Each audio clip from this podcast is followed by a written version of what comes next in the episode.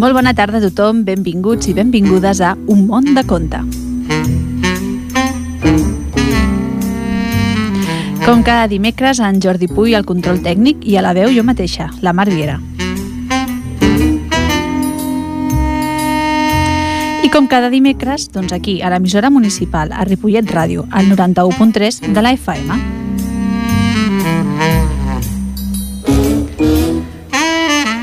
Estem a punt d'acabar la temporada, però bé, encara ens queden dos programes que aprofitarem per explicar doncs, més històries i més contes, que és el que a nosaltres ens agrada. I sabeu que quan acabem, doncs entrant a www.ripolletradio.cat podeu trobar tots els podcasts del programa i si us ve de gust, doncs repetir algun dels de la temporada, això, durant l'estiu, ben tranquil·lets i eh, gaudint de les vacances.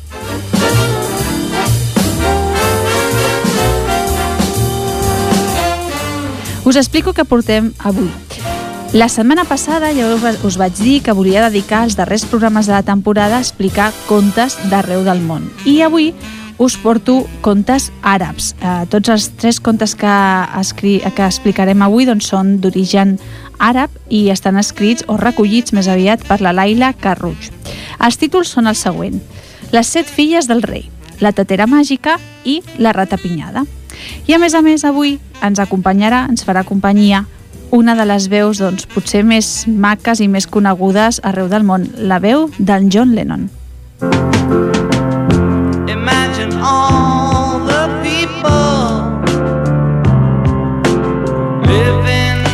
el John Lennon, molt conegut per ser una de les veus dels Beatles, entre ell i el Paul McCartney doncs, bueno, es anaven repartint els temes, però potser qui més temes tenia era, era ell com a, com a vocalista i un cantant doncs, que després va tenir la seva història, la seva projecció personal, eh, cantant temes com aquest que escoltem, l'Imagine, i d'altres que avui escoltarem al programa, al programa.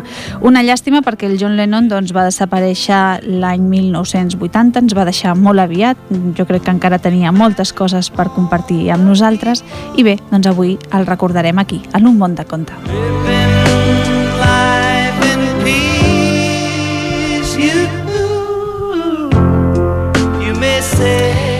Abans de començar amb les històries, amb els tres contes que tenim preparats per avui, l'altre dia ja vam començar a parlar de la nit de Sant Joan. Sabeu que és la nit de Rebella, que és la nit més llarga de l'any, que dona la benvinguda a l'estiu i el dimecres passat doncs, vam estar parlant una mica de què feien doncs, els diables, eh, les bruixes, etc. Doncs, durant aquesta nit i bé, doncs, en aquestes trobades de foc i de màgia que arreu de Catalunya i ara també a altres regions doncs, es poden viure.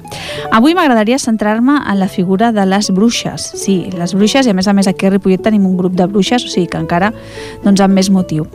Les bruixes normalment el que feien era ajuntar-se la nit de Sant Joan en un aquelarre, eh, que aquí en català ho fem amb, amb Q i amb, i amb U, però eh, originalment això és un, un, un nom basc i va escriure amb, amb K, i un aquelarre doncs, és el lloc on les bruixes celebraven les seves reunions i rituals. Actualment, doncs, aquesta paraula, com us deia, ha passat al vocabulari català i es fa servir per designar qualsevol reunió de bruixes i bruixots. En aquestes reunions eh, se solia venerar un boc negre, que és l'animal associat al culte satànic. Es creia que les bruixes obtenien els seus poders mitjançant un pacte amb el dimoni i existeixen moltes llegendes eh, sobre els detalls de la cerimònia. A més a més, el dimoni els otorgava els poders i les feia immortals. Se solia creure que les bruixes tenien una marca característica a la pell, fruit del seu pacte amb el dimoni. Segons les creences populars, aquesta marca doncs, podria prendre moltes formes, però la més popular doncs, era una berruga. La típica berruga al nas que doncs, tothom reconeix a les bruixes, doncs això seria la marca característica del pacte amb el dimoni. Gràcies a aquest pacte, les bruixes doncs, tenien poder per fer tota classe de maldats, eh, sobretot les pedregades, mm, quan, quan cau pedra, és quan diuen que bueno, ho associen al poder de les bruixes. També era creença popular que podien volar a cavall de forques o d'escombres. Hi ha dates assenyalades en què es creia que les bruixes celebraven grans reunions o aquelarres o que fins i tot augmentaven el seu, el seu poder. Les més conegudes són la nit de Tots Sants, al novembre, i precisament doncs, el el que us deia, la nit de Sant Joan. O sigui, que estigueu ben a la white per si aquella nit veieu una bruixa, doncs això, volant a, a sobre d'unes escombres o fent algun ritual d'aquests que, que us explicava.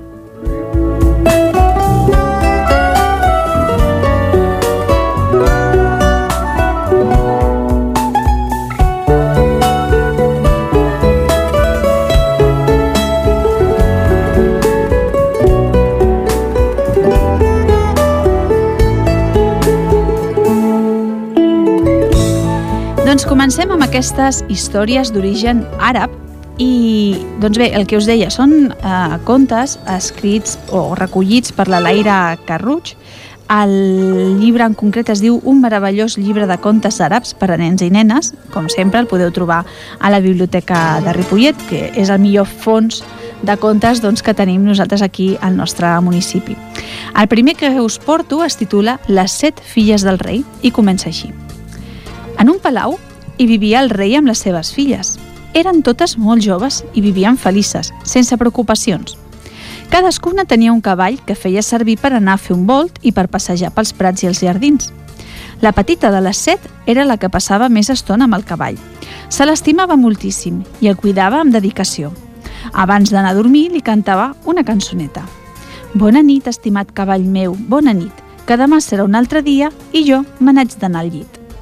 El cavall entenia perfectament aquelles paraules i es posava molt content. Un bon dia, el rei va reunir les seves filles i els va dir «Escolteu-me totes, filles. Demà he de sortir perquè tinc una fe molt important a l'estranger. Us vull demanar que us cuideu molt i que, sobretot, no obriu la porta a ningú que no conegueu.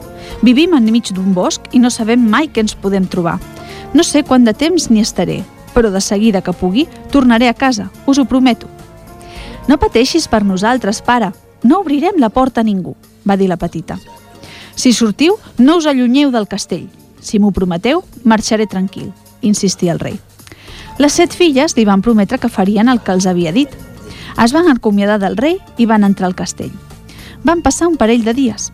Les noies sortien una mica fora i tornaven a casa molt d'hora. Procuraven no allunyar-se gaire, la, la petita volia anar fins al poble del costat per comprar una mica d'alquena per posar-se les mans. Es va disfressar de noi amb una barba i un bigoti perquè ningú no la descobrís i per precaució. Va comprar el que necessitava i tornar de seguida al palau. Va tancar el cavall a l'estable, va entrar a casa i va cridar les seves germanes una per una per veure si eren totes. Van contestar i la van renyar perquè havia fet tard. La petita que es deia Salma es va disculpar. El temps canvià de cop. Es va fer fosc en un tres i no res. Començà a ploure, cada cop amb més intensitat. Les noies van posar-se a cuinar un bon plat de cuscús calent. Totes s'ho passaven molt bé a la cuina, menys la Salma, a qui no agradava cuinar.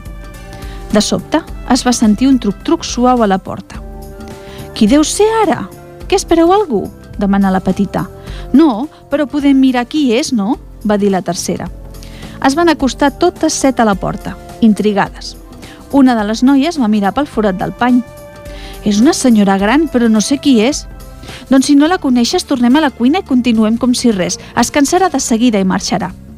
Va dir la Salma, molt convençuda. Les altres van optar per demanar-li qui era.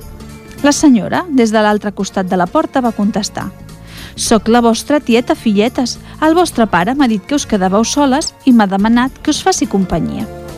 Ah, sí? No sabíem que tinguéssim una tieta, però si li ha demanat al meu pare... No deus volia obrir la porta, oi? va cridar la petita que impedir la seva germana que fes girar el pany. Escolta, el pare ens ha dit que no obríssim la porta, i menys algú que no coneguem. Escolta, Salma, tu no ets la persona més indicada per parlar així. No te'n recordes que aquesta tarda has anat al poble del costat? Li va dir la gran. Això és diferent. Jo he anat amb molt de compte i no he posat en perill les vostres vides. Escolteu, noies, teniu raó totes dues, però aquí fora hi ha una senyora gran que s'està mullant. No puc deixar-la fora. Si voleu, podem votar. Totes van votar a favor de deixar entrar la senyora gran. La petita, però, continuava pensant que era un gran error. Va obrir la porta i la vella va entrar tossint molt fort. Una de les noies li va portar llet calenta amb una mica de mel. Una altra li va donar una tovallola de roba i sabatilles. Tingui, senyora, o potser li hem de dir tieta, va demanar la gran. Gràcies per tot, filles.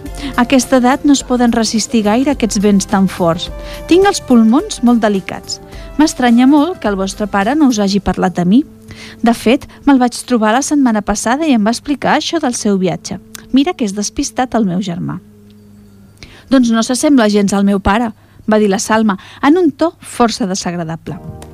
Una de les seves germanes la va passigar i la gran es va disculpar pel comentari. Li va dir que no li fes cas perquè era una nena malcriada. La vella va dir que la seva reacció era normal perquè no l'havien vist mai. Un cop vestida, amb roba còmoda i seca, les noies van parar a la taula, van servir el cuscús i van convidar la senyora a sopar amb elles. La Salma, però, no va voler sopar de cap manera. Només es mirava la vella i no li treia els ulls de sobre. Quan hagi sopat marxarà, oi? És que, és que nosaltres anem a dormir molt d'hora, sap?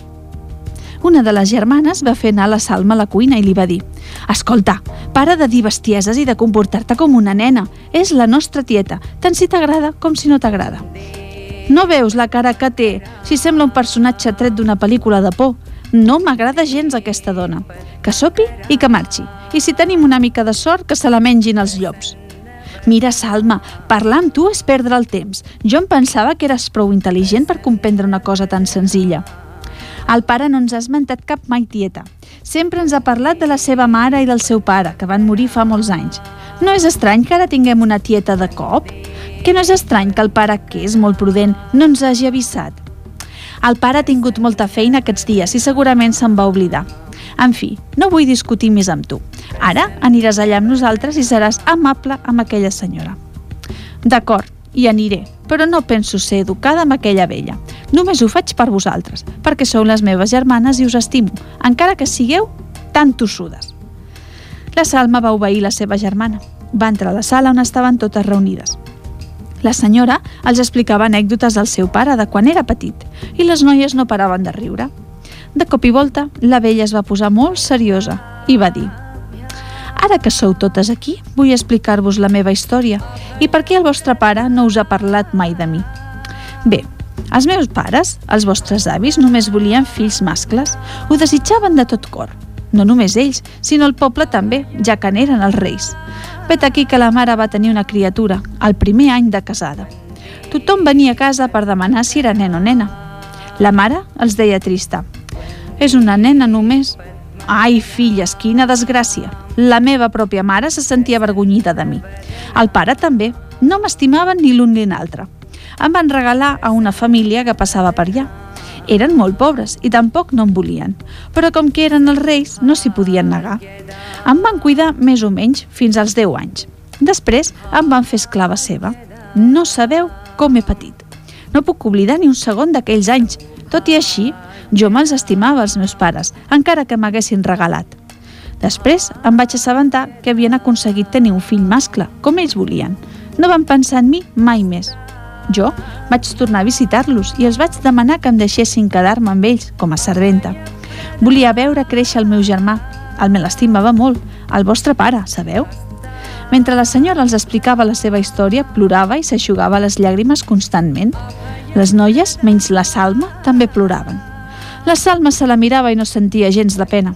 La vella va continuar explicant que el seu pare, el rei, no l'havia coneguda fins ara de gran. S'havia fet molt fosc i tard. Les noies van quedar encantades amb la senyora.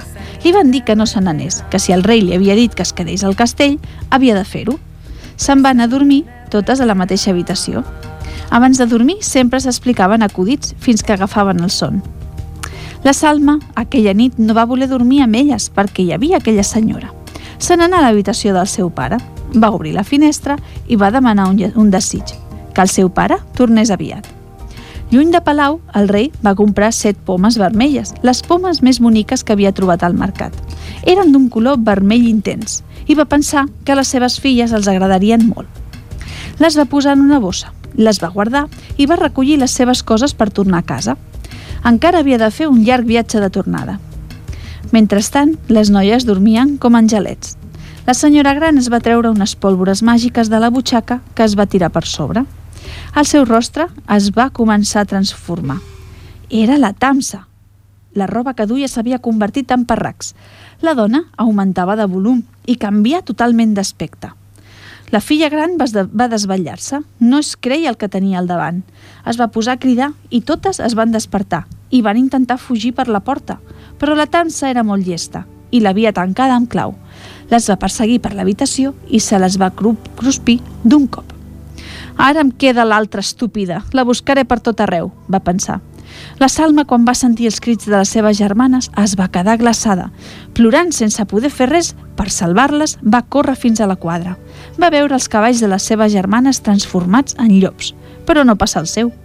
De seguida va pensar el pitjor, però el seu cavall blanc es va plantar davant seu. La Salma hi va saltar a sobre i van fugir tots dos. Els llops, des de lluny, els perseguien. El pare de les noies, que estava a punt d'arribar a casa, va voler donar un últim cop d'ull al regal de les seves filles. Va quedar de pedra quan va veure sis de les set pomes podrides. El cor li va començar a bategar molt ràpid. Sabia que alguna cosa dolenta els havia passat a les seves noies. Les pomes volien dir alguna cosa. Va tornar a mirar la poma que li restava. Començava a podrir-se-li entre les dits. Les pomes representaven les vides de les seves filles, la poma, que encara no estava podrida, era la vida de la seva filla petita. Com més se li acostava la tamsa, més es podria la poma. El rei es va afanyar encara més i quan finalment va arribar al castell va trobar la filla petita a les mans de la tamsa, que la volia escanyar per menjar-se-la. La Salma s'hi resistia i cridava al seu pare. El rei va desenvainar la seva espasa afilada i va córrer fins que va travessar el cos de la tamsa i la matar. Va agafar la filla pel braç, la va pujar damunt del cavall i van fugir com van poder.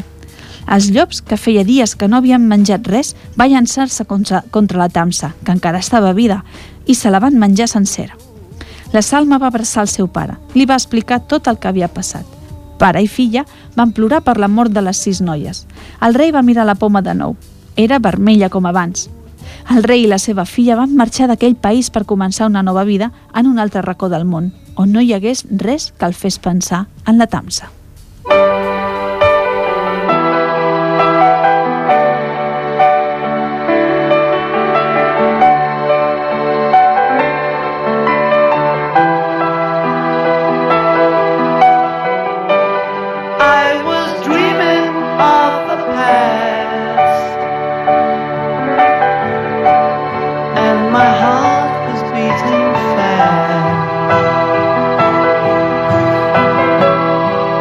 began to lose control.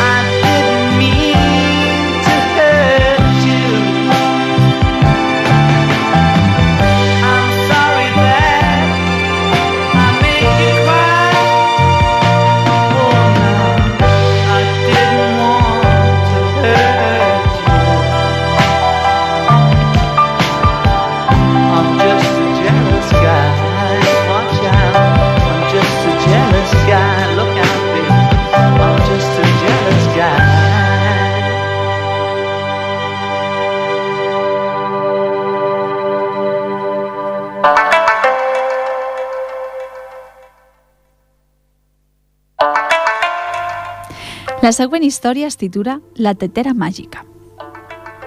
En Muhammad era molt petit quan els seus pares es van separar. La seva mare era molt pobra, tant que no es podia fer càrrec del seu fill. El petit, que se l'estimava amb bogeria, no se'n volia allunyar de cap de les maneres.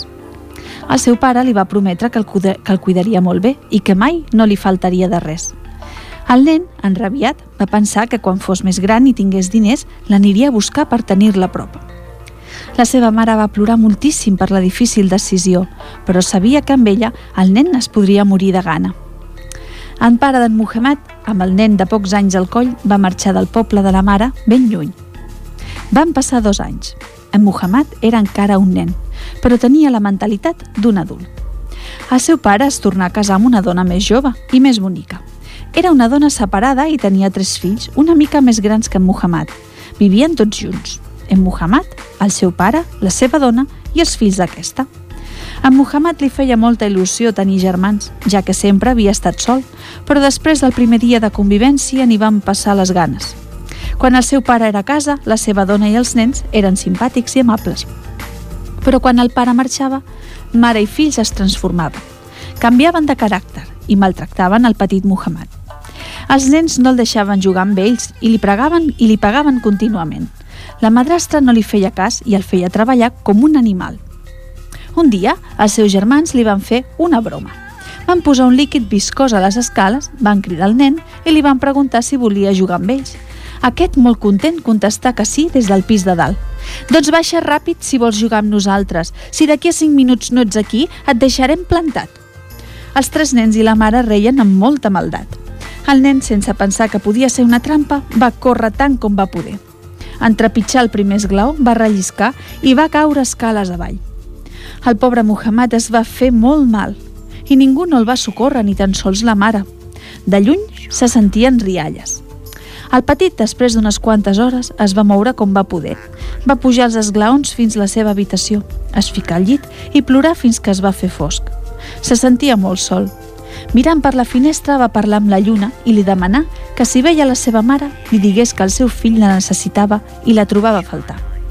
L'endemà, la madrastra va fer veure que li sabia molt greu tot el que havia passat, li embolicà la cama que li feia més mal i el va fer baixar a esmorzar. Què et passa, fill? Què has caigut? li preguntà el seu pare. Abans que el, nen diguen, que el nen digués res, la seva madrastra va respondre. El vaig cridar per dinar i com que baixava les escales saltant i ballant, va caure. És normal que faci aquestes coses, és propi de la seva edat. Au, esmorzem, que si no... Pare, pensa que va estar a punt de tirar-me escales avall. En Muhammad no ens estima i mira que jo, com a germà gran, ho, intent, ho intento. Tranquils, fills, no li podem obligar, potser amb el temps... En Muhammad no s'acabava de creure tot el que sentia i el que veia. La seva madrastra i els seus fills el feien quedar com un mentider. No se sabia venir que tinguessin tanta pràctica enganyant a la gent. Evidentment no feien tan bé que el pare s'ho creia tot.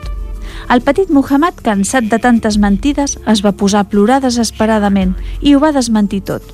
No és veritat, pare, t'ho prometo. Ells no m'estimen i em maltracten tant com poden perquè me'n vagi.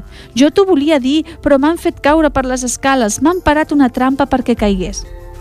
Escolta, fill, no diguis més mentides per cridar l'atenció.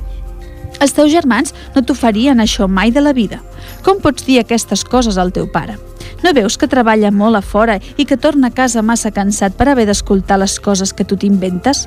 Però no t'ho tindré en compte i t'estimaré com he fet fins ara perquè també ets el meu fill. Tu no seràs mai la meva mare, ella no em pega mai i... i... Prou, no deixaré que parlis així. No veus que t'estimo com si fossis fill meu? Acabes de faltar-me respecte. Ves a la teva habitació i no en surtis fins d'aquí tres dies. No menjaràs ni beuràs res fins que entenguis que mentir no és cap solució. I no vull que vosaltres li porteu menjar, encara que us sàpiga greu. No, el meu fill ha d'aprendre la lliçó, estimada. Es mereix un bon càstig. En Muhammad sabia que l'havien enganyat tant que no valia la pena insistir-hi. El seu pare no se'l creuria mai. Els germanastres van fingir que els sabia greu veure el petit Muhammad tancat tot sol a l'habitació i van fer cara de, de tristesa. Quan el pare va marxar, els nens i la mare ho van celebrar. I vosaltres no li porteu menjar encara que us sàpiga greu. Ha! El gran imitava la veu del padrastre. en Muhammad no ho sentia, ho sentia tot des de dalt. Ara, més que mai, se sentia molt odiat i rebutjat. Sabia que mai no se l'estimarien, ni com a germà ni com a res. Era molt fosc. Els budells del nen li roncaven de tanta gana que tenia. Estava realment cansat de ser allà. Si sortia, els nens i la seva mare ho dirien al seu pare. Ningú no li havia preguntat si estava bé, si encara li feia mal la cama. I una estimada, va dir per la finestra. Has fet arribar el missatge a la meva mare? No puc més, lluna preciosa. Voldria ser lliure com tu i no tenir germanastres i una madrastra tan dolenta. Què puc fer per anar al costat de la persona que m'estimo més? La mare, que m'abraçava cada nit i m'explicava un conte abans d'anar a dormir. El petit Muhammad plorava llàgrima viva. Va acotar, va acotar el cap i recolzar sobre les seves manetes i va continuar plorant fins que va tranquil·litzar-se. Va alçar el cap a poc a poc i una última llàgrima, més grossa que totes les altres, li va caure sobre el dors de la mà. La llàgrima es feia cada cop més gran. De sobte, hi va aparèixer la imatge d'una dona. Era la seva mare, que es mirava el seu fill fixament i li dirigia un esguard protector, dolç i tranquil·litzador. Li va dir, Salam, Habibi, nineta dels meus ulls, amor del meu cor. Ja sé que ho estàs passat malament, però això sóc aquí, per protegir-te, estimat. Quina carona que fas, fill, Quanta bellesa que hi ha en tu. Quina joia de criatura. Mare, torna amb mi, torna, si us plau. En Muhammad no parava de repetir-li que tornés, però la imatge de la dona va desaparèixer. De sobte, un torb va passar per davant de la finestra i donar una empenta suau al nen, que quedà assegut en una cadira vermella molt còmoda. El nen no entenia d'on havia sortit aquella cadira, perquè no recordava haver-la vista per casa. Davant seu hi havia una tatera preciosa plena de te, i un vas al costat. El nen es va servir el te i se'l va veure molt de gust. Era boníssim. Només amb això es va atipar.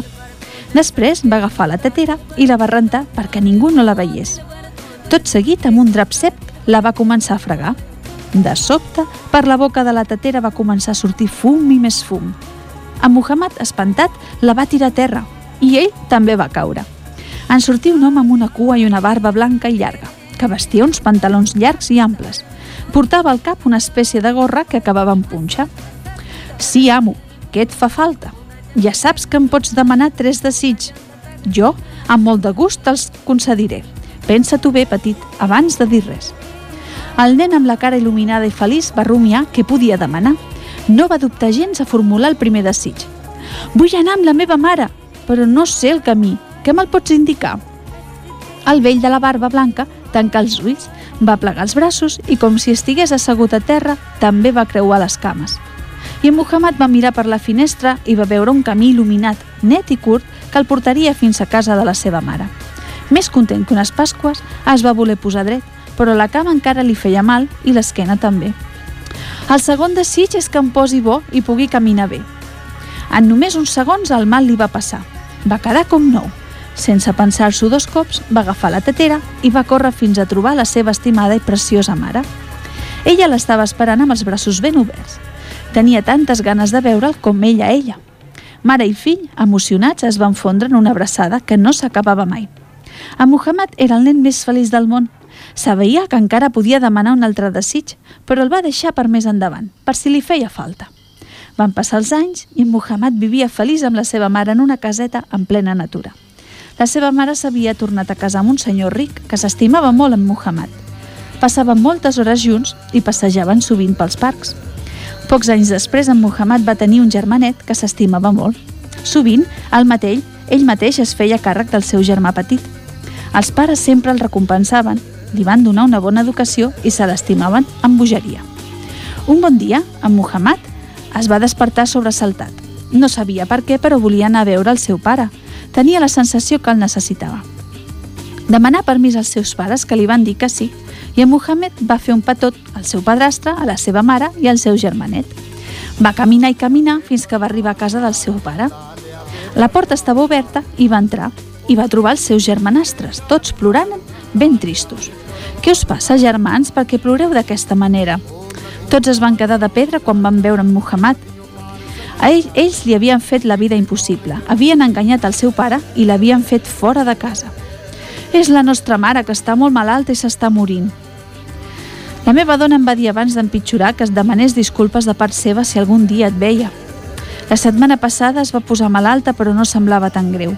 Finalment vaig anar a buscar el metge. Ens va dir que la malaltia era molt més greu del que ens pensàvem. Ens van dir que no sabia com guarir-la i que l'únic que podíem fer era esperar. Però han pitjorat molt i hem perdut l'esperança. A Mohamed es va descarregar la motxilla de l'esquena, en va treure la tatera màgica, la va fregar amb la seva roba i l'home vell de la barba va aparèixer. Què desitges, estimat amo? El meu últim desig és que guareixis la meva madrastra, que la malaltia la deixi en pau per sempre. El vell tancà els ulls i així ho va fer. De sobte, la madrastra es despertà com si no hagués estat mai malalta. Es va dirigir a Muhammad, l'abraçà amb totes les seves forces i li donà les gràcies. Des de llavors es, visitar, es visitaren sovint i mai més no es distanciaren.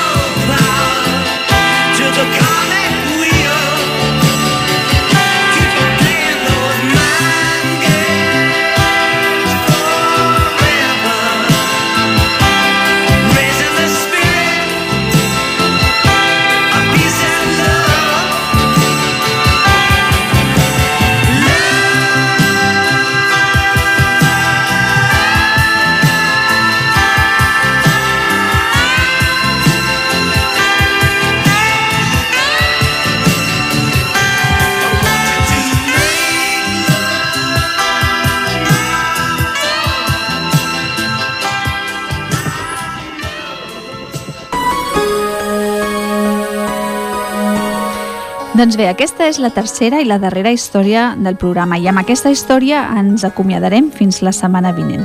Es titula La ratapinyada i diu així. Avui ha esclatat la guerra entre els animals terrestres i els voladors. Volen iniciar el dur combat aquest, aquesta mateixa nit. Els dos bàndols es preparen. Proposo que l'àguila sigui el cap dels animals voladors. És molt forta i de segur que ho farà molt bé, va dir un ocell.